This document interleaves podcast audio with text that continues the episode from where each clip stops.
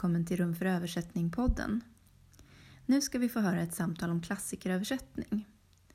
Återutgivningen av världslitteraturens klassiska texter är ett viktigt fenomen i det litterära kretsloppet. Men hur är det att översätta en text som redan finns på svenska och som många läsare har en relation till? I samtalet deltar Lina Wolf, aktuell med en nyöversättning av Gabriel Garcia Marquez 100 år av ensamhet. Linda Östergård, aktuell med en nyöversättning av fyra av Thomas Manns noveller. Och Nils Håkansson, som i egenskap av översättare och litteraturvetare har studerat hur den ryska litteraturen introducerats och nyintroducerats på svenska. Moderator är Mikael Nydahl. Samtalet hölls via Zoom den 28 augusti 2020. Arrangör var HDK Valand. Varsågoda och lyssna. Jo, välkomna till denna besynnerliga men ändå häpnadsväckande funktionella umgängesform. Eh, alla besökare och eh, i synnerhet deltagarna i dagens panel som eh, jag ska presentera om ett ögonblick. Först ett ord om, om temat för den här det här panelsamtalet. Vi har växlat mellan att tala om detta som en kväll om klassikeröversättning och som en kväll om nyöversättning.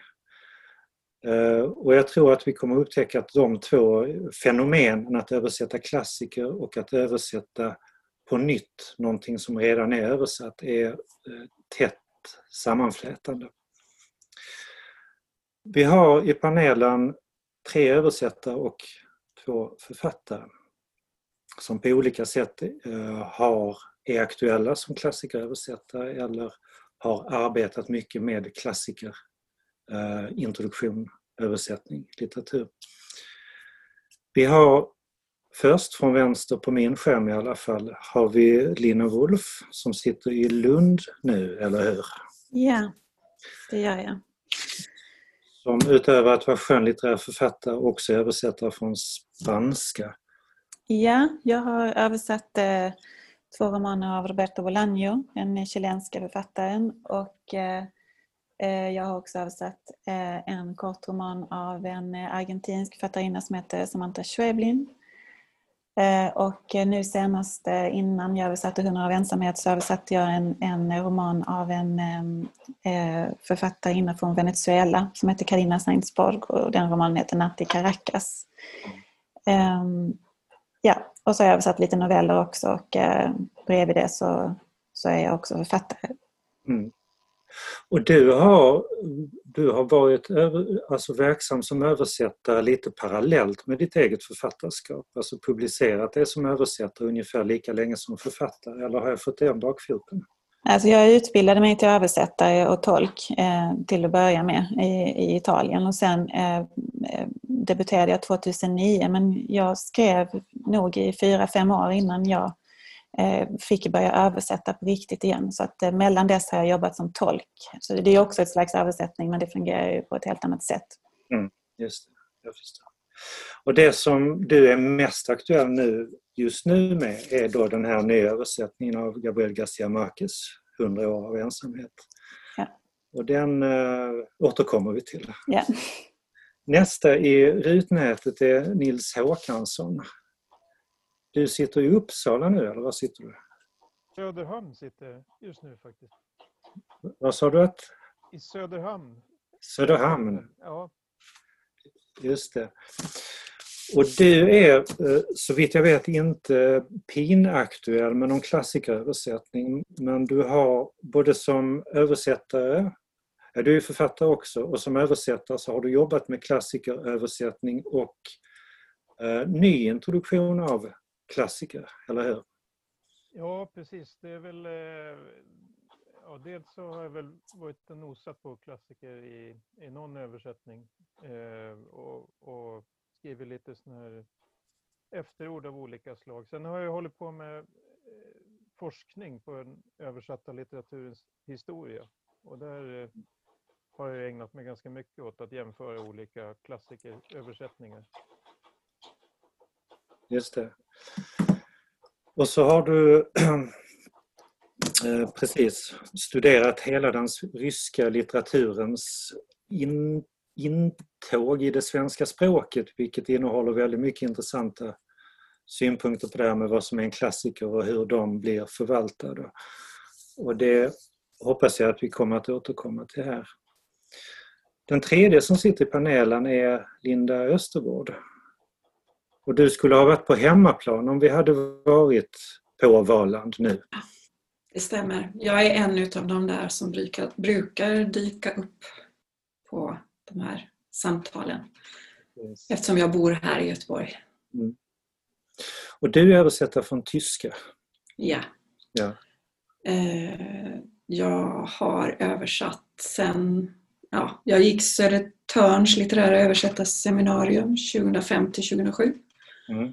Och sen dess har jag hållit på och den första översättningen kom 2008. Och eh, ja, Ingeborg Bachmann var det som ledde in mig på översättning.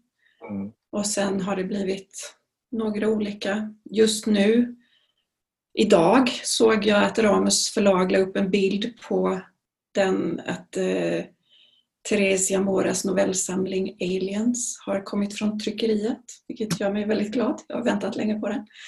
Eh, och så är jag i slutfas på att översätta en eh, bok av Judith Shalansky, min andra av henne, mm. som ska komma. Så att jag, eh, jag har översatt en bok från danska, men sen, det har blivit tyska. Mm, just det. Och jag, jag, tänker på det som poesiöversättare av, av någon anledning men jag ser att du har översatt väldigt mycket prosa också. Ja, jag, alltså den första översättningen var Anja Otlers eh, Låga. Låga. Och eh, sen har jag översatt också Ingvar Bachmanns dikter och eh, en schweizisk poet som heter Ilma Rakusha. Så att det har blivit, men nu var det ganska länge sedan jag översatte eh, poesi. Mm. Det har jag faktiskt tänkt på också, att jag har hamnat i prosa, prosans liksom massiva grepp här. Prosaträsket. Prosaträsket. Ja. Jag eh, kan säga till dig att vi arbetade på förra vårens sista träff på utbildningen så arbetade vi bland annat med din Yoko Tawada översättning så att du har varit här tidigare. Fint. Jag tänkte att eh, och, och du Linda är aktuell med den här nu då nya översättningen av Thomas Mann, fyra av Thomas Manns långnoveller eller kortromaner är det väl nästan mm. ibland. Mm. Och, och, du ska också få tillfälle att återkomma till och berätta eh, inifrån det arbetet. Men jag tänkte att vi skulle börja, eftersom vi har den här övergripande eh, rubriken, klassikeröversättning, med att göra ett, ett försök att från höften säga vad som är en klassiker.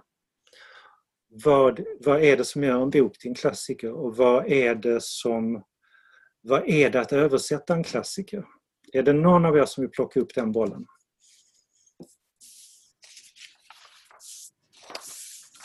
Jag kan börja och säga att eh, för den här frågan eh, kom ju upp i eh, något du skrev Mikael och vad, och vad gjorde jag då? Alltså jag tänkte så här, jag googlar vad säger man liksom? Om jag googlar definitionen på en klassiker, vad, vad dyker upp då? och därmed vill jag säga att Google är ett verktyg som man som översättare har mycket nytta av även när man översätter hundra år gamla texter. Mm. Eh, och då hittade jag liksom en, faktiskt en ganska bra, så här, det var en, en, en artikel och, som nämnde vad Italo Calvino hade sagt om det. Och det är säkert andra som också har googlat och hamnat på det här. En bok som aldrig slutar säga vad den har att säga. Mm. Och det tyckte jag, ja det är ju en bra mm. eh, om den nu kan fortsätta säga det med det språket som den har. Mm. Mm. Men jag, jag, håller med, jag håller med. Jag tycker bara att det här, är, det, det, här är väldigt svårt att ringa in för det du säger, eller det som Calvino säger. Det gäller ju alltså, många böcker som kanske inte har fått klassikerstatus, tänker jag. Eh, alltså för mig personligen, så det här är ju en fråga, alltså vad är en klassiker? Det är ju någonting som som jag inte har tänkt på förrän vi började förbereda det här samtalet. Eh, jag har ju nästan tvärtom eh, kanske försökt hålla det lite ifrån mig just för att man inte ska drabbas av någon slags eh, Eh, ja, men lite som kalanka liksom när han springer eh, liksom, ut för ett stup. Så länge han springer på marken så går det bra och så länge han inte vet att han är 100 meter upp i luften så kan han fortsätta springa men så fort han tittar ner så trillar han.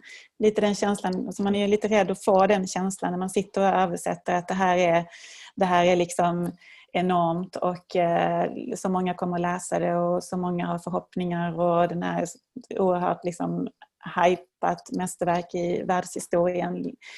Um, så det är ju liksom hela klassikerresonemanget är väl någonting som i alla fall jag har gjort eh, liksom det bästa att, att hålla ifrån mig eh, tills nu.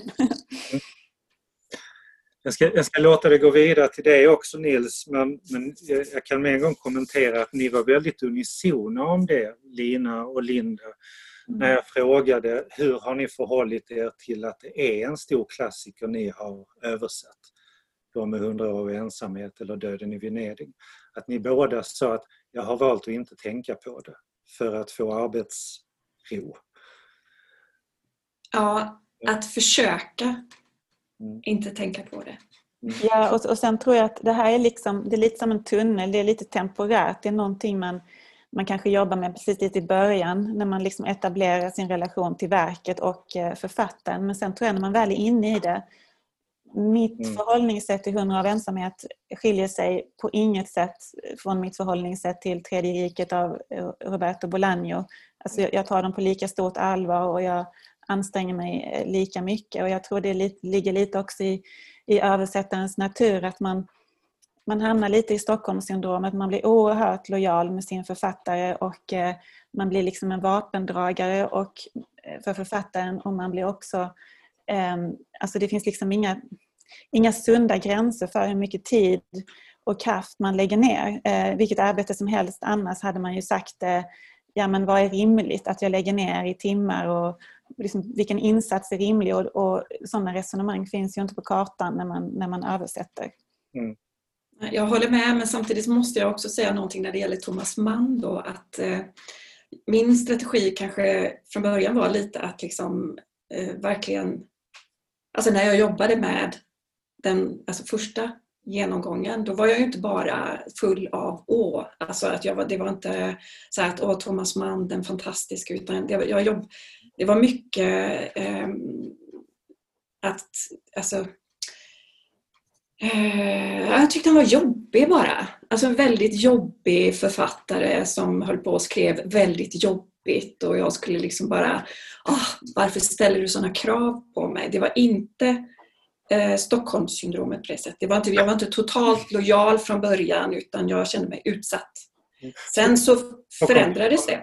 Stockholmssyndromet börjar ju med en ja, jo, okay. utsatthet. ja. jag, jag, jag, ska hugga på, eller jag, jag vill haka i hur du beskriver det här nu Linda. Jag har en följdfråga på det. Men om Nils, om jag får ge dig Eh, den frågan också. Hur, hur ser en klassiker ut? Vad är en klassiker till skillnad från vilken god bok som helst som man råkar översätta? Finns det en skillnad? Ja, men det gör det väl. Annars så skulle vi väl inte prata om det så här. Jag menar, eh, man, man, ser ju ganska tydligt om man jämför flera översättningar av ett och samma verk att de första, tidigaste översättningarna är oftast gjorda med mycket mindre eh, eh, översättarna är mindre angelägna om att eh, ligga nära författaren.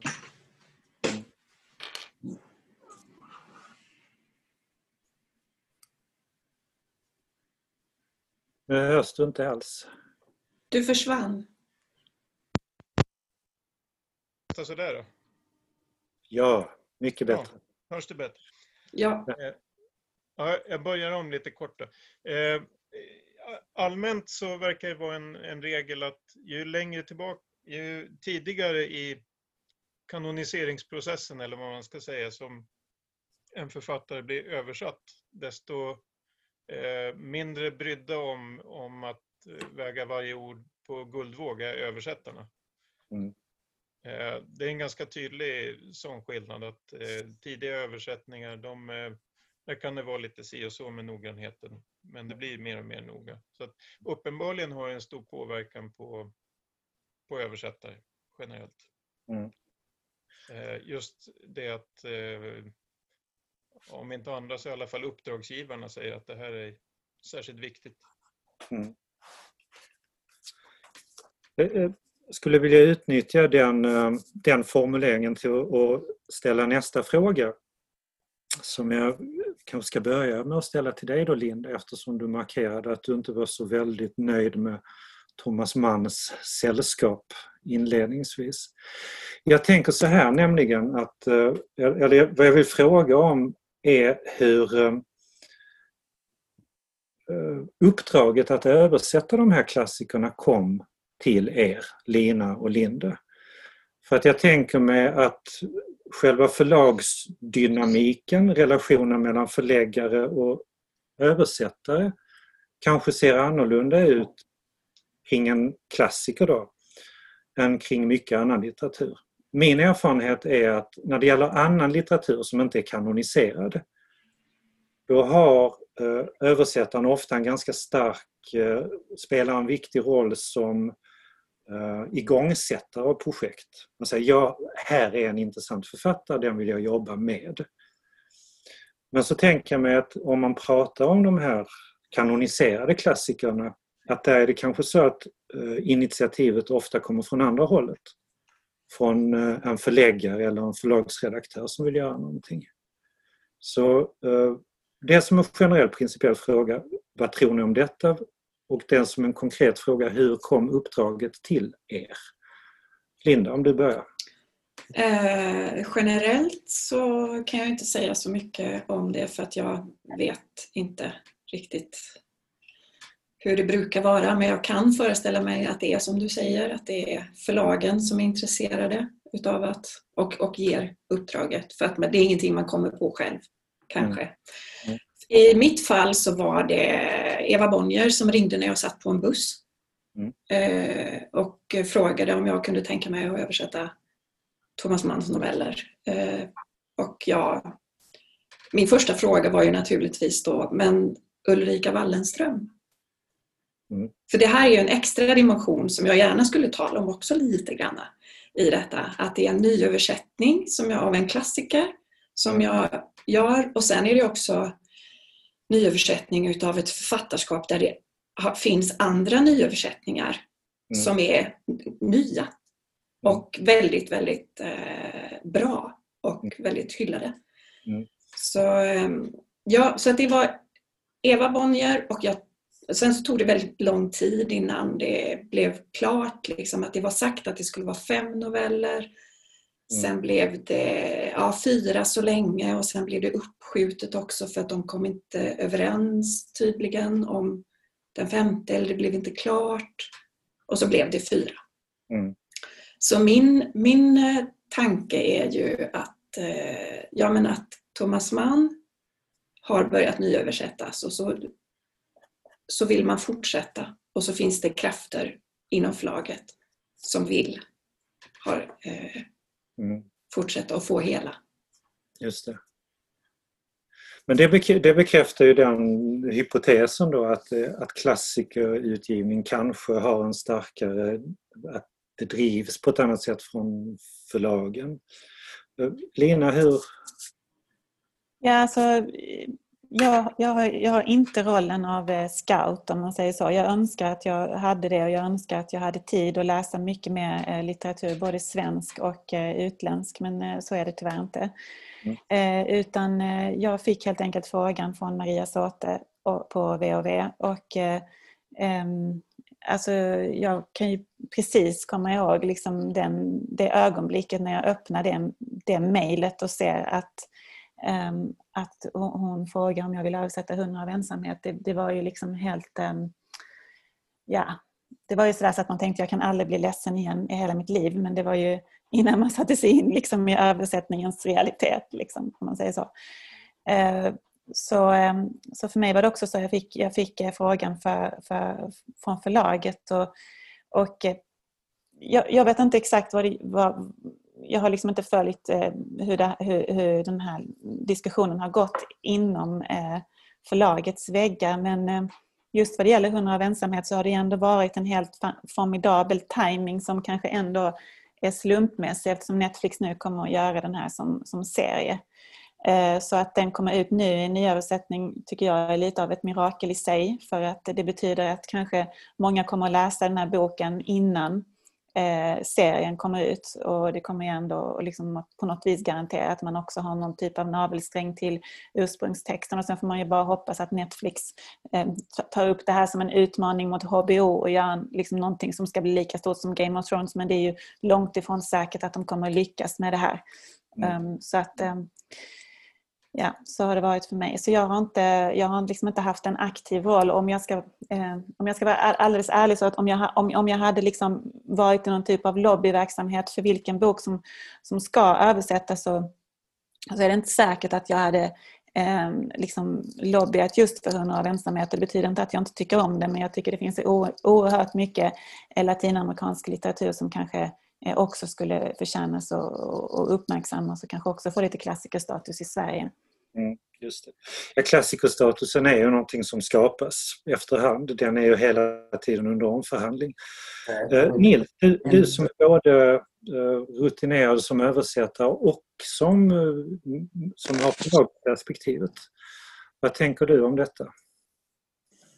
Det kanske är andra saker som oftare spelar roll än eh, åldern på verket. Att det är, ofta, det är mm. vanligare att Översätter man från ett lite mindre vanligt källspråk till exempel så är det vanligare att den sortens översättare tar initiativ till utgivning, eh, mm. tror jag. Mm. Sen är det många översättare som kanske, ja, det beror på vilket, vilken sorts förlag det är. Väldigt mycket översättningslitteratur kommer nu ut på, på mindre förlag. Som, eh, och där funkar det ju mer mellan mer med personliga kontakter så där kanske än att man mm. sätter igång något projekt på förlaget eller förlaget sätter igång något projekt. Det är mer organiskt kanske. Mm. Mm. Men det där med vilket källspråk det är frågan om tror jag spelar ganska, att det gör ganska stor skillnad för eh, vem som tar initiativet, både, både vad gäller äldre och samtida litteratur. Mm. Just det. En sak som jag tänker är speciell för, eller när, när jag inför det här samtalet har funderat över det här klassikerbegreppet så känner jag att jag jag var inte så uh, om mig och kring mig som du Linda, att jag googlade. Det hade man kunnat göra. Jag känner att jag trampar vatten också för att det är svårt att veta hur man ska ringa in en klassiker principiellt. Men rent pragmatiskt tänker jag att man kan konstatera att Eh, när man översätter någonting som är en klassiker så verkar man i, eh, inte i ett tomrum utan man har hela tiden eh, en reception att förhålla sig till. Alltså den läsande publiken vet redan mycket om Thomas Mann. Den vet redan mycket om Gabriel Garcia Marquez. Och böckerna man, bygger, eh, böckerna man arbetar med, texterna man arbetar med är föremål för väldigt mycket uppfattningar de är föremål för väldigt mycket forskning och de är också föremål för kontroverser, både akademiska och politiska. Och det här, ehm, ja, ni, ni, har nästan svarat på det redan, men uh, det här är en intressant aspekt av klassikeröversättningen. Har, ni, har det på något sätt varit av intresse för er när ni har jobbat med Marcus eller Mann eller någonting annat för den delen att så att säga placera ert arbete i relation till alla de här uppfattningarna som finns om en bok? Alltså, jag kan väl känna att eh, eh, snarare tvärtom. Eh, med Marcus har det varit väldigt mycket ställningstaganden kring eh, alltså hur, hur, mycket kan vi liksom modernisera den här texten? Jag kan ju känna som, som översättare, alltså som nyöversättare att jag vill gärna att eh, texten ska andas en känsla av min tid. Eh, jag tycker det liksom är lite det som är vitsen med en nyöversättning. Eh, självklart kommer den också andas mina värderingar men jag, jag brukar ändå tänka som Marcus engelska översättare Gregory Rabassa sa att man måste försöka tänka hur författaren har tänkt för, för att kunna göra en översättning som liksom ska vara hederlig Eh, eh, mot eh, författaren. Eh, och ehm, och då har, då har det varit så mycket där jag liksom har fått försöka föreställa mig hur hade Garcia Marquez uppfattat det här idag? Om han själv hade översatt den här texten till svenska eh, 2019. Um, ehm, och det är inte helt lätt att veta hur, hur han eh, liksom skulle, skulle förhålla sig men, men eh, jag måste ändå gissa och det är jag som är utvald att göra detta så jag måste liksom ta det på mitt ansvar och vara tydlig med det inför mig själv. Alltså, jag tror det värsta som kan hända en text eh, både en, liksom, en text som är skriven direkt på originalspråk av en författare men också en översatt text är att den börjar andas en slags osäkerhet. För att då, då börjar hela bygget vackla. Så jag tror att man får försöka liksom hitta vad är, det, vad är det för principer, vad är det för värderingar som ska styra min översättning. Men att, att sen, sen är det någonting alltså ganska intimt mellan mig och författaren. Om jag skulle till exempel skriva ett förord, vilket övervägdes under någon, någon, någonstans i processen och det är ju lite som att säga hallå allihopa, nu eh, har jag tänkt på det här och det här. Då hade jag ju också automatiskt dragit allas blickar till just de här sakerna. Eh, och då hade jag ju fråntagit läsaren som, ehm, som kanske vill få en helt egen upplevelse av det här verket och inte sitter med alla de här olika parametrarna som jag sitter med som översättare eller som riktiga märkeskännare kanske också sitter med. Då fråntar jag den läsaren att faktiskt göra en helt liksom bara blank läsning. Eh, och då styr jag också uppmärksamheten till det som har varit eh, Eh, problematiskt eller utmanande för mig själv. Så då tycker jag det är mycket bättre att kanske ta upp det i efterhand. I sådana här samtal kan man prata om det.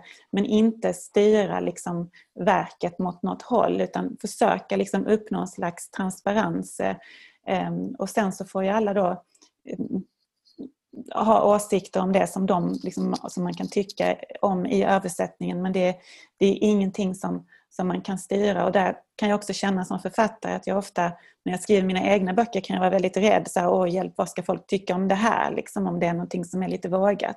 Men sen har jag ändå från, från författande tycker jag ändå jag har lärt mig att um, folk, är, folk är ändå ganska toleranta. Folk kan ta ganska mycket. Och uh, de kan också ta att man har tänkt olika. Och det är liksom inte hela världen utan att man försöker bara kanske applicera lite ett um, lugn på, hela, på allt det här som kan vara uppvispande annars. Mm. Jag ska låta frågan gå över till dig Linda eh, om ett ögonblick. Jag vill bara fråga när du, har, när du då har suttit i de här förhandlingarna Lina med alltså din egen relation till texten och hur du ska återgestalta texten. Har du haft eh, har du sökt dig till sekundärlitteratur? Har du läst andra översättningar bara för att bolla dina egna tankar eller har du fokuserat på att gå in i relationen till texten bara? Ja, alltså jag har ju... Man, jag, jag, tror det är bra att ha någon typ av översättning eller text som man kan ta spjärn mot när det, när det kör ihop sig och då har jag eh, eh tittat huvudsakligen på den engelska översättningen av eh, Gregory Rabassa. Mm. Ehm, jag har också skrivit till språkrådet när det har varit ehm, ord som har varit daterade till exempel ehm, och just med Marcus 100 av ensamhet så finns det liksom, här finns det ingen startsträcka, här finns liksom ingen tid där du kan väga in läsaren i, i, i någon slags eh, lugn eller distrahera för att allt det här förekommer redan på första sidan så att det, är, liksom, det är omedelbar skotteld kan man säga. Mm. Eh, och då är det ord som på, som, bara för att ta ett exempel, då, spanskans eh, gitano som eh, på engelskan eh, har översatts som gypsy och som i den gamla översättningen eh, har översatts som, som zigenare. Det var ju för mig ganska otänkbart att använda den eh, termen utan Eh, men det har ju varit en av de stora utmaningarna att hitta ord som man liksom kan eh, kan eh, e-, ersätta det här med och där har ju inte engelskan varit till hjälp alls. Och jag har inte heller hittat något, något liksom, jag har inte gått till den, till den franska översättningen och inte den italienska heller. Jag tror inte att de hade hjälpt mig sådär jättemycket. Utan där är man ju ute på ett eget isflak och där måste man ju bara tänka själv och ta, ta besluten själv. Eh, och då har jag ju liksom tänkt mycket på Marcus som person. Hur var han? Jo, men han var en man av folket. Han var en man som ville sprida kunskap om den sydamerikanska kontinenten. Det var det som han såg som det huvudsakliga syftet med hans berömmelse. Och då eh, känner jag att han hade nog inte velat ha ett ord som zigenare idag i Sverige utan han hade nog velat ha någonting annat och sen har det varit min uppgift att försöka hitta det. Mm. Ehm, så att eh, det har, det har bitvis funnits eh, väldigt lite att, att luta sig mot och det är där jag menar att, att man måste liksom känna det här lugnet för att, för att fatta de besluten och ändå kunna kunna sova på natten. Och sen måste jag också säga att jag har haft jättemycket hjälp av min redaktör. Eh, alltså redaktörens insats, det tror jag ni var inne på också, att, liksom att förlagen kanske sätter till stora redaktörsresurser just på de här klassikerna. Det har ju varit en ofantlig hjälp och utan det så, så eh, hade jag nog känt mig väldigt vilse många gånger. Linda, jag bollar över frågan till dig, men visst är det så att du också har eh, brottats med zigenarordet i jo, men det stämmer. dina texter? Det finns också med faktiskt. Men det, det och ja, jag hade också en, pratade med redaktören om det och även Eva Bonnier som var den. Alltså att vi, men det fanns eh, ändå bara i en vändning. Som liksom, det var, och då blev det, eftersom det var ordet gröna vagnar var med. Att det stod liksom. Mm. Så att då blev ju kringresande i gröna vagnar blev ett ganska alltså, okej okay sätt att tänka sig. Att det, det, det, var ändå logiskt. Mm. Mm. mm. För att jag, jag, hade kanske tyckt att det blev, hade, jag vet inte, romer i gröna vagnar kändes inte rätt. Mm. mm. För att det var ju just det här liksom vagnresande eh, som, som var grejen. Men alltså, för att återgå till det här med hur man känner inför den här ofantliga mängden förväntningar och också kunskaper som existerar runt omkring det här författarskapet och den, de här texterna som på något sätt så tror jag att jag tänkte säga att okej, okay, jag får det här uppdraget jag har inte den kunskapen själv. Det är för mycket. Jag kommer aldrig kunna omfatta allt som är skrivet, tänkt, eh, liksom alla olika eh, läger eller vad man nu ska säga och alla olika känslor som människor har inför ett författarskap. Så att det, liksom, jag tänkte så att jag ska se till att översätta den här texten som jag har framför mig och på vägen, som när det gäller vilken annan översättning som helst man arbetar med så måste man ge sig ut under tiden. Liksom. Alltså du, du går där längs raderna och sen måste du eh, ja men här fastnar jag liksom, här måste jag hitta någonting och då, då söker man och det går liksom inte att försöka omfatta allting på en gång utan det är på vägen och efterhand så växer det ju naturligtvis helhetskunskapen. Men jag kan ju fortfarande inte, trots att jag säger, trots att jag har översatt de här och tycker att jag har gjort allt jag kunnat så är det säkert, alltså det är mycket som inte jag vet om Thomas Manns författarskap fortfarande. Mm. Eh, och eh, sen en annan sak. Eh,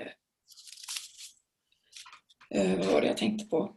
Jag bollar över så länge. Nej, jag kan bara, sticka, bara säga en sak där på det som du är inne på Linda. Jag tycker också att just de här, de här utmaningarna, som de här orden då som, som eh, man måste liksom hitta på eh, nya ord till. Eh, för mig har det varit väldigt berikande också för att jag har liksom fått möjlighet att vidga mina egna vyer. Jag fick till exempel väldigt mycket hjälp av Tom Lundberg, författaren, när jag skulle hitta eh, det här ordet som då är liksom gitano på spanska. Mm.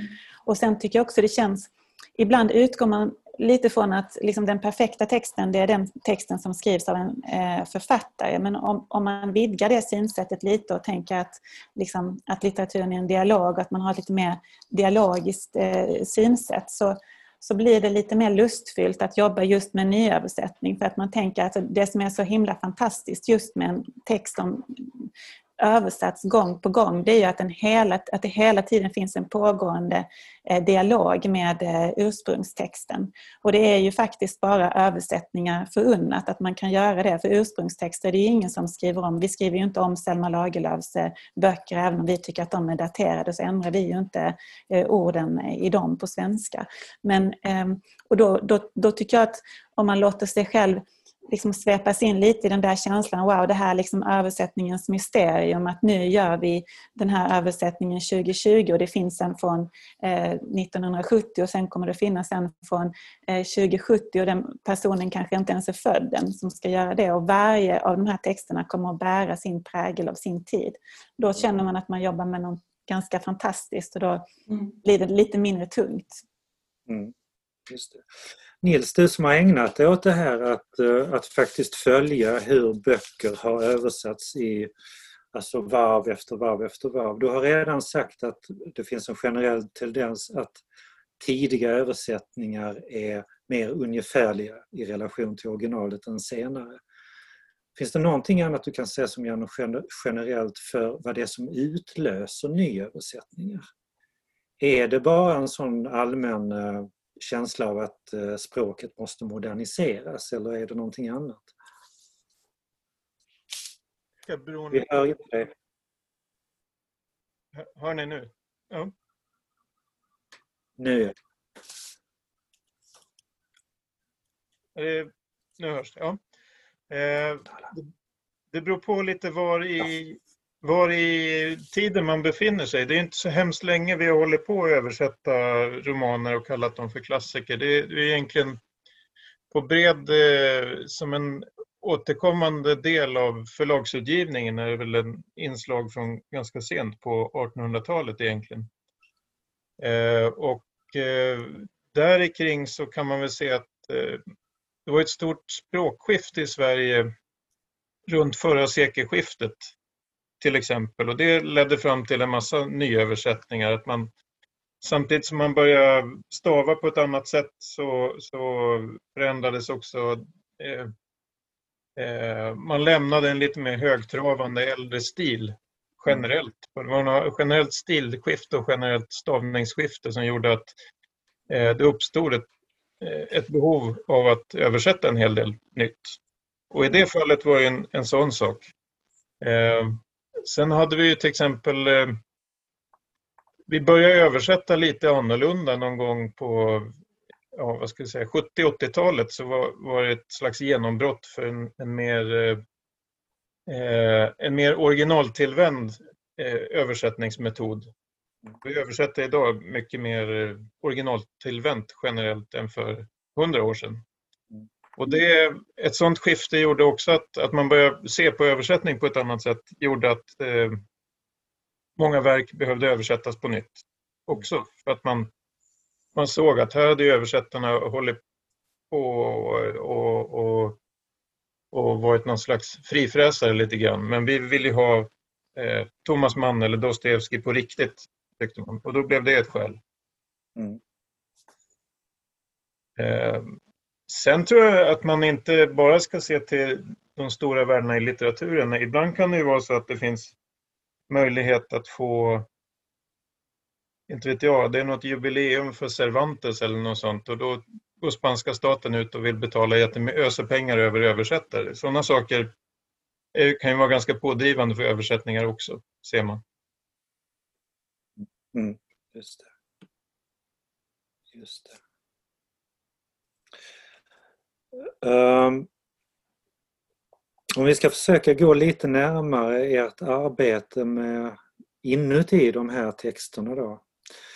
Uh, Lina, du har skrivit en, en ganska fantastisk uh, skildring inifrån uh, översättarens liv med ett ord som finns med i, i eh, Översättarcentrums blad med andra ord som skildrar hur du kämpar med ett enda ord. Ja, det gjorde jag väldigt länge. Ja, eh, just det ordet var avigarado. Eh, jag kanske inte drar hela historien här för det var så oerhört långt. och som jag kämpar med det. Och, eh, jag fick lära mig av en, eh, jag hade en, en lärare i översättning eh, i Florens och hon, hon förbjöd oss att eh, an, använda tvåspråkiga ordböcker. Alltså vi fick inte, alltså vet man inte vad dammsugare heter så på det språket så tyckte hon då ska man inte, då ska man inte jobba som översättare. Och, Eh, allt annat kan man ta med enspråkiga. Det betyder att om man då till exempel översatte mellan franska och italienska så skulle man liksom, eh, då skulle de gå ner liksom till botten av det italienska ordet och sen skulle de gå in i Le Petit Robert och liksom söka sig upp från botten mot det ordet som kunde motsvara det italienska. Mm. Ehm, så jag har ju alltid liksom känt den här fascinationen för ord som kan härledas och som man kan bryta ner och hitta och komma till insikter etymologiskt. Och ibland så, så fastnar man ju liksom i den där oerhörda liksom intressefällan och så kan man inte riktigt släppa ordet. Och så, så blev det ju med Abigarado. Och just den texten skrev jag lite också för att visa att man kan göra hela den här loopen och man kan gå igenom så himla många ställningstaganden och fantastiska resonemang men så kan man ändå landa i det där första alldeles enkla ordet som, som, som man egentligen inte alls är nöjd med men som, som är den enda vettiga kompromissen som kanske ändå måste bli trots att man har gjort den här eh, djupdykningen. Eh, men jag kanske kan ta ett annat exempel. Eh, eh och det var ett ord som, som ehm, jag vet inte om, som är crepuscular. Eh, det betyder egentligen alltså skymning. Det har en ganska så tidsmässig begränsning men på spanskan är den också liksom, det, det är ett slags gränstillstånd. Ehm, och eh, det höll jag på med väldigt länge och gick till botten med det här crepuscular för det låter, jag tycker liksom att det låter lite mystiskt på spanska och skymning det är inte lika mystiskt på svenska så jag ville liksom få till den här mystiken och det spanska uttrycket var då noviazgo crepuscular och noviazgo betyder eh, förlovning. Eh, och då hade Gregory Rabassa på engelska skrivit a twilight engagement och det var ju liksom helt mitt i prick, det är precis det. det, är precis det. Men vi har ju inte twilight, eh, vi har bara skymning och det är alldeles för, för snävt. Um, och då blev det att jag fastnade i det här krepuskulär och så liksom förstod jag att det, här, det är liksom också det här tillståndet mellan, mellan dröm och verklighet, precis när man håller på att somna och får de här liksom fantastiska bilderna som föregår sömnen. Då är det un estado crepuscular, alltså ett krepuskulärt tillstånd om man skulle svänga till det lite. Um, så då landade jag till slut i en dunklets förlovning. Mm. Eh, och då tyckte jag liksom att dunklet på något vis täckte in det där lite mer eh, abstrakta. Men det, kunde jag, det kände jag att jag tog mig den friheten lite också för att skymning för, förekom på samma sida. Så det fanns ändå liksom det här tidsintervallet var ändå på något vis begränsat. Om än inte i den meningen så fanns det på samma sida. Eh, så att jag, ska, jag ska inte prata mer nu för att det, det, det, finns så många sådana här exempel som, som man går upp i och blir väldigt eh, entusiasmerad över. Mm. Linda, har du några liknande sådana kruxord? Uh, alltså jag har inget som jag har tänkt. Det finns ju många kruxord men det som jag har tänkt mycket på det är ju just uh, Thomas Manns bygge utav meningar och jag vet alltså hundra år av ensamhet det är också ett, ett, enormt långa meningar. Men i Thomas Mann så är det just det att de är liksom inbyggda i varandra. Det är också det, dels är det tyskans eh, tillåtelse att eh, lägga askar i askar och sen så måste man liksom till svenska måste man ändå tillåta sig att bryta upp dem. Mm. Samtidigt det här tankeinnehållet som Thomas Mann då paketerar på ett sånt intrikat sätt och han har jobbat så otroligt länge för att få det att liksom flyta ihop i den här texten. Och då kände jag ju att ja men det, det är liksom, för det var ju de frågorna jag ställde mig. Vad är, vad är det liksom att nyöversätta det här, den här, alltså vad är då Thomas Mann? Thomas Manns stil som det finns skrivet så mycket om som jag inte har läst men som jag vet, alltså det är en, eh, en väldigt stark stil. Och eh, att göra det tillgängligt för läsare idag så att det liksom, du ska kunna läsa det utan att fastna. Men jag hade ändå en väldigt stark känsla för att jag måste förhålla mig till det. Att inte lösa upp, för det finns ju ett exempel just när det gäller Thomas Mann-översättningar så har det ju, de har ju översatts i flera omgångar. Mm. Eh, just de här novellerna också. Och på 50-talet så kom det ut en sån samling på Bonniers med fem, de här, alltså fem noveller. Mm. Varav de här fyra är med då. Och, eh, då, och det var liksom säkert en fem, 50-talet, det vet Nils mer om. Eh, stilen, vad man, vad man, översättningsstilen och andra och så var det ju en speciell översättare men då var allting kanske lite mer upplöst. Det var kanske lite snällare mot läsaren på ett sätt men samtidigt så kände jag ju att nej, men du ger ju inte läsaren riktigt det som Thomas Mann, tror jag, ville mm. skapa. Mm. Och att sen, sen, är det en annan sak som jag inte vill missa att säga för att jag tycker att det är väldigt speciellt då. Och det var också, alltså om jag inte hade en sån rädsla för Thomas Mann, för att jag tänkte så att det kan jag inte ha. Mm. Så kände jag ju eftersom att Ulrika Wallenström är för mig en utav Sveriges, hon är ju en fantastisk översättare. Mm. Och hon har gjort fantastiska översättningar utav Thomas Manns Buddenbrooks, eh, Dr. Faustus, Bergtagen.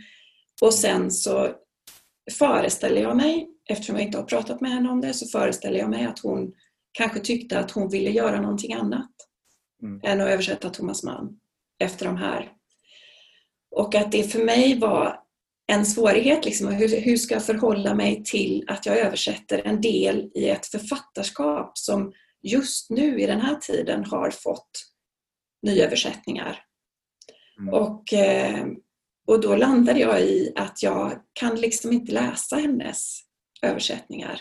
Jag har ju använt dem för vissa speciella uttryck. För att, och de, de, de finns ju, ju, om man letar efter ett uttryck och så har det använts tidigare i hennes, alltså i Thomas Manns författarskap. Mm. Och då har jag då har jag jämfört och tittat. Vill jag liksom, eh, är det viktigt att ha samma eller är det, behövs det inte? Mm. Men att jag annars, för att det skulle ge mig eh, mer eh, så här, hur ska jag göra med det som blir på något sätt ändå färgat utav mig som översättare. Mm. Så det, ja. Mm. Och jag vet fortfarande inte, jag är fortfarande liksom inte så här, jag kan inte jämföra stilen. Nej, just det. Eh, en sak som jag eh, har tänkt på med det här med nya översättningar generellt, jag kan låta det här gå till dig Nils, både som, både som aktiv översättare och som studerare av ämnet. Eh, en sak som jag märker i min egen eh, vardag som översättare är hur otroligt viktigt det är att ha internet. Som du säger Linda, att man kan inte googla för mycket. Och att man genom att ha internet har tillgång till ett redskap som översättare för 20 år sedan bara kunde drömma om. Och det handlar inte bara om att det finns bra eh, ordlistor och att det finns sekundärlitteratur utan internet har blivit så pass, en så pass tättknuten väv att du kan kasta ut ungefär vad som helst och lyssna till om du får eko på det och hitta väldigt perifera eh, allusioner och då kunna eh, alltså få en helt annan inblick i det som är textens så att säga djupstruktur, hur den arbetar med medvetna eller omedvetna allusioner. Eh, det här måste också påverka, Nils, det som du talar om, om att eh, den moderna översättaren är mer originalorienterad. Producerar texter som ligger mycket närmare originalets sätt att verka och vara. Så är det utan tvekan. Även om eh, den här moderna översättaretiken den slog igenom eh, innan vi fick internet. Men det har ju definitivt gjort, eh, nätet har ju definitivt gjort det enklare att och, och varit pådrivande mot en mer original eh, eh tillvänd översättarmetod. Ja, om man ska uttrycka så.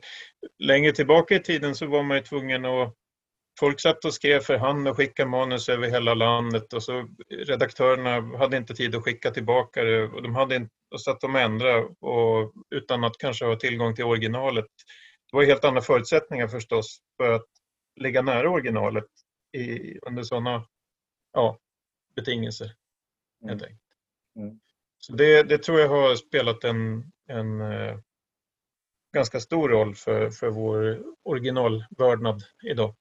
Mm.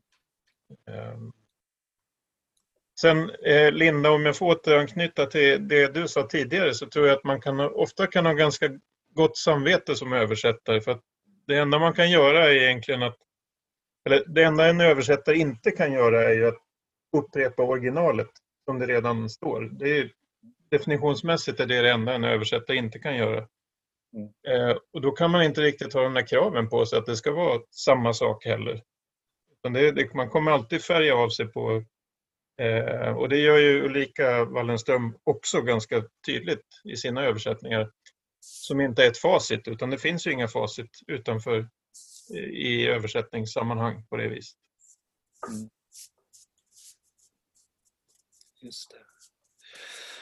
Eh, Lina, du skriver i, också i den här novellen eller eh, rapporten inifrån översättningsarbetet. Den, den, den slutar ju i en sån väldigt förlösande aha-upplevelse av vad det här är för typ av ord. Uh, en aha-upplevelse som utlöser en hel kedja av spekulationer och insikter. Men så stannar du, hejdar du dig och så ser du det här är bara spekulationer. Och jag får inte lov att eh, dra för höga växlar på dem. Eh, för det är vad den förra översättningen gjorde. Oj, har jag skrivit det? Ja, du har faktiskt skrivit det. Och då tänkte jag... Jag hoppas att det skulle splinka igenom utan att något med någon nej, men, eh, men, nej, jag såg att det stod så. Så, så att jag vill bara komma tillbaka till den frågan hur Ja, nej, men okej. Okay. relation till de tidigare översättningarna. Inte översättarna, utan just tidigare texter. Ja, eh, precis. Ja, precis. Det här handlar ju om texter. Eh, jo, men eh, så här, så här var det för mig att jag, eh, jag började översätta, eh, nu har jag på sett 200 av ensamhet här. Ja, det, det växlas upp. 100 av ensamhet utan att titta på den, den före detta, den, alltså den gamla mm, översättningen. Um, och det gjorde jag just för det här. Jag har aldrig gjort en nyöversättning tidigare och jag tänkte att uh, det är säkert livsfarligt att titta på den. Mm. Uh, all typ av påverkan är säkert livsfarlig, vilket håll den här påverkan går åt. Mm. Så jag höll mig helt borta från den och var det någonting jag undrade över och körde fast på, som jag sa innan, så kollade jag på Rabassas. Um, men sen när jag var klar så, så, så greps jag av den här fruktansvärda rädslan att tänk om jag har översatt Hundra av ensamhet nästan exakt likadant som, eh, som den gamla översättningen. Och tänk då om, om eh, liksom, när jag skickar in den här till förlaget så kommer de att tänka att vadå, men hon har ju bara liksom, kopierat den gamla, alltså fattar inte hon vad det här handlade om? Liksom. Mm. Och i den skräcken så var jag liksom tvungen att kolla av liksom, eh, ja, de första sidorna, några i mitten och, och, och eh, på slutet eh, bara kolla av så att det här inte är exakt. Eh, och då kunde jag ganska snabbt konstatera att vi har tänkt helt olika, eh, den, den tidigare översättaren och jag. Och nu är, jag vet ju också att man, man ska liksom inte ha någon åsikt egentligen om tidigare översättningar. Att, men samtidigt så tycker jag den, alltså, det imperativet är lite konstigt för att om man, om man översätter en hel roman som Hundra av ensamhet och är liksom en så här hyfsat intellektuell person, eller man tror att man är det i alla fall, då vore det väldigt konstigt om man inte hade den nyfikenheten någonstans att se hur har det här gjorts tidigare och hur har den här personen tänkt och det är klart att man inom sig skaffar någon slags eh, uppfattning om detta. Ehm, det tror jag kanske alla översättare gör men man kanske inte pratar så mycket om det och det är väl bra. Men eh, samtidigt så tror jag att jag, måste nog ändå säga att jag, tycker kanske att ehm, ehm, eh, alltså just när jag hör Nils prata så alltså det är mycket som faller på plats. Jag förstår verkligen att, eh, att den översättningen liksom fungerar som den gör för att man, den måste ha översatts med ett helt annat förhållningssätt till eh, ursprungstexten. Eh, ett mycket, mycket friare eh, förhållningssätt både till ursprungstexten men också ett mycket friare förhållningssätt till spanskan som språk och också till svenskan som språk skulle jag vilja säga.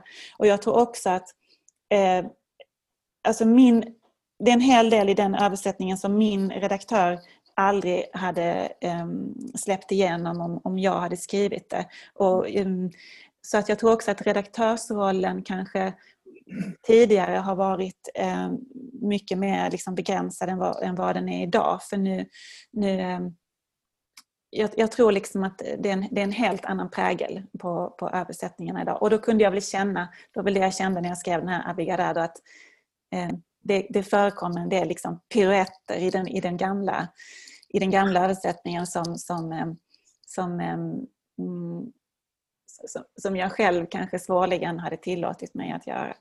Mm.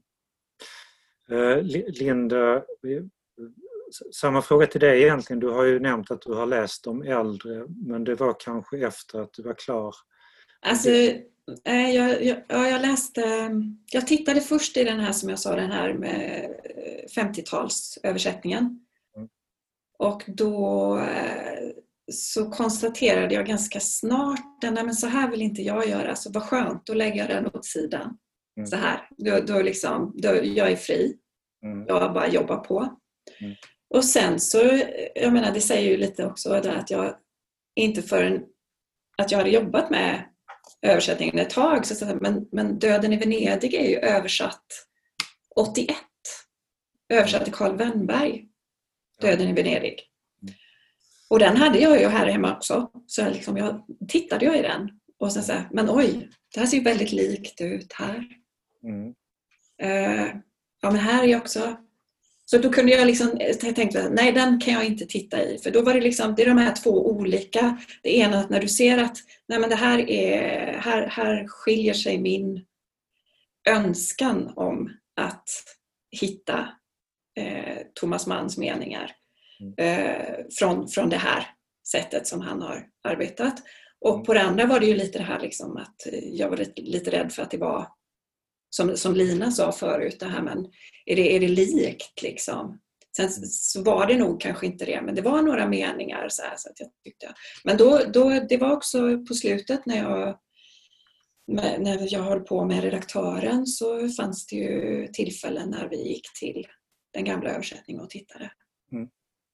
Jag, jag, skulle vilja fråga om det här med redaktören just. Jag tänker på det du säger Lina, att du har haft en väldigt närvarande och alltså aktiv eh, redaktör i ditt arbete med Marcus.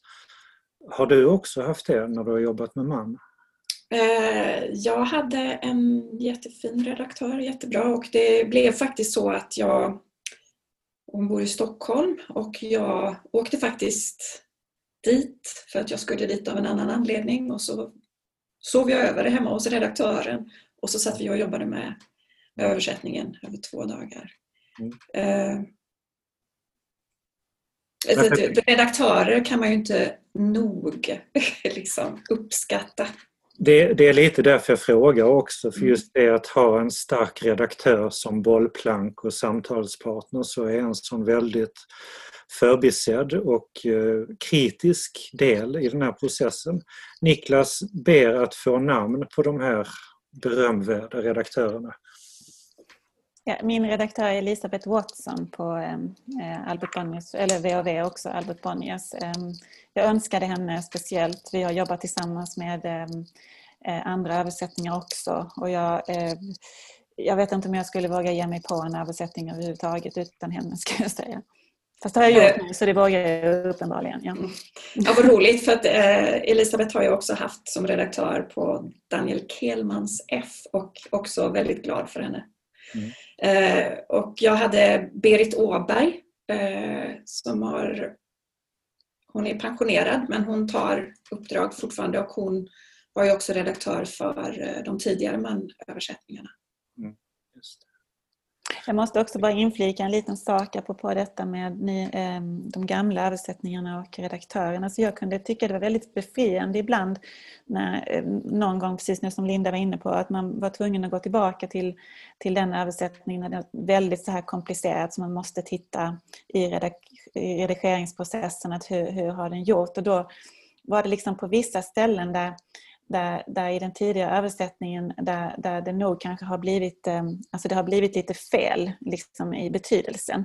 Men då, då, då, då sa Elisabeth, jaha okej, okay, ja, men hon gjorde så. Alltså det, det, det, det fanns liksom ingen, ingen värdering. Och, och, och jag tyckte det var så skönt. Det var liksom en slags frihet i, i, i hela översättandet som, som jag bara fick en sån här glimt av. Att, eh, att det är inte hela världen eh, om det blir lite fel någonstans. För det här är liksom ett, ett stort verk och det är ett organiskt verk och det är en liksom ofantlig textmassa. Och man måste liksom ha den eh, den, den, respekten för verket, att, att, man, att man skyddar den från de här liksom oerhörda liksom detalj, den här detaljhårdheten och att man tänker liksom att det här, det här är ett stort verk som ska fungera liksom i, i översättningen. Och har det blivit lite fel, ja då rycker man lite på axlarna åt det. Det gör ingenting och det tror jag är väldigt befriande att känna som översättare för att man, man får liksom inte bli fast i detaljsaxen. Mm. Jag måste, jag måste, bara tillägga en sak nu när vi pratar om det här med att gå till, för jag sa det att det går inte att förhålla sig till all forskning och alla, all, allt som är sagt och tyckt om Thomas Mann. Men eh, alltså att de ty, tyskarna är ju fantastiska med sina samlade utgåvor kommenterade. Mm. Och det var ju naturligtvis en jättestor hjälp att eh, att ha dem att förhålla sig till. Alltså för att också hitta vad, vad, vad är det i Phaedros som här, vilka texter är det som är inflätade i Thomas Manns text och så. Mm. så att, och det är ju ett privilegium man har som sentida översättare. Just det. Jag översättare kanske inte har haft. Men jag tänker det du säger Lin, att det är en väldigt viktig sensmoral för översättare. Att, att Eh, man måste kunna slappna av lite i sina lösningar för att man vet att man kan aldrig göra en översättning som är oklanderlig. Det går alltid att komma in i varje mening och säga nej. Men som översättare så ansvarar man för helheten på ett sätt och så får man göra sina dumheter. Vi har hållit på en timme nu. Eh, det finns, och vi ska snart öppna eh, salen. För, vi ska unmuta er allihopa och så får, får det komma frågor. Men det finns en aspekt av, av det här med klassikeröversättning som jag tänkte jag bollar över till dig på slutet Nils. Eh, som jag tänker har med ren förlags, eh, vad ska man säga, bokcirkulation att göra. Att det att det kommer ny, eh, nyöversättningar är helt enkelt för att klassikerna försvinner ur lagerhållning på förlagen. Alltså böckerna säljer slut och sen kan man bara hitta dem på eh, biblioteket. Och då finns det ett sätt att, eh, att alltså det finns en genväg till att få ut dem på bokmarknaden igen som är att återutge gamla översättningar. Vad är det man gör då egentligen? Nils, jag vet att du har skrivit förordet till många, flera stycken i alla fall, eh, nyutgåvor av äldre översättningar av ryska klassiker? Eh, ja, jag vet inte. Först så får man ju försäkra sig om att översättningen är värd att ge ut överhuvudtaget. Många äldre översättningar, även sådana som ges ut, är ju eh, Ja, då är det tveksamt om det, om det är värt att trycka den igen kanske för att det, det är riktigt föråldrade översättningar ibland. Mm. Eh, ibland är det inte alls så utan en del översättningar som har många år på nacken står sig hur bra som helst. Behöver inte alls några nya översättningar. Då är det väl absolut lika bra att eh, trycka om den som att och bekosta en jättedyr ny översättning till exempel. Mm. Eh, och då, ofta är det ju så att, ja, jag vet inte, att översättaren är eh, gången ur tiden sedan långt tillbaka så att då, de enda, man får leta reda på någon rättighetsinnehavare till en översättning då och eh, gå den vägen. Helt enkelt. Eh, och ofta tycker jag att eh, det kan ju vara problematiskt om det är så att de här eh, nyutgåvorna eh, inte håller måttet och konkurrerar med, slår ut en potentiell nyöversättning, då är det tråkigt. Mm. Men ofta så tycker jag också att i synnerhet kanske ja, med översättningar som har gjorts från säg 1970 och framåt, de håller ofta fortfarande. Och det finns kanske ingen anledning att eh, och man kan nog gå lite längre tillbaka än så också eh, utan att eh, eh den generella nivån eh, är så problematisk. Mm. Eh, och det är ju en, det är en del av vår litteratur på alla sätt som jag tycker att vi ska använda genom nyutgåvor när de håller. Mm, just det. Just det. Gott. Ja, eh, så då vill jag tacka Mikael som höll i det och eh, Lina, Linda och Nils. Och förstås alla som kom en fredagkväll. Tack själv. Tack så mycket. Tack så mycket. Det har varit jätteberikande att, att lyssna på de andra paneldeltagarna och er elever. Tack. Mm.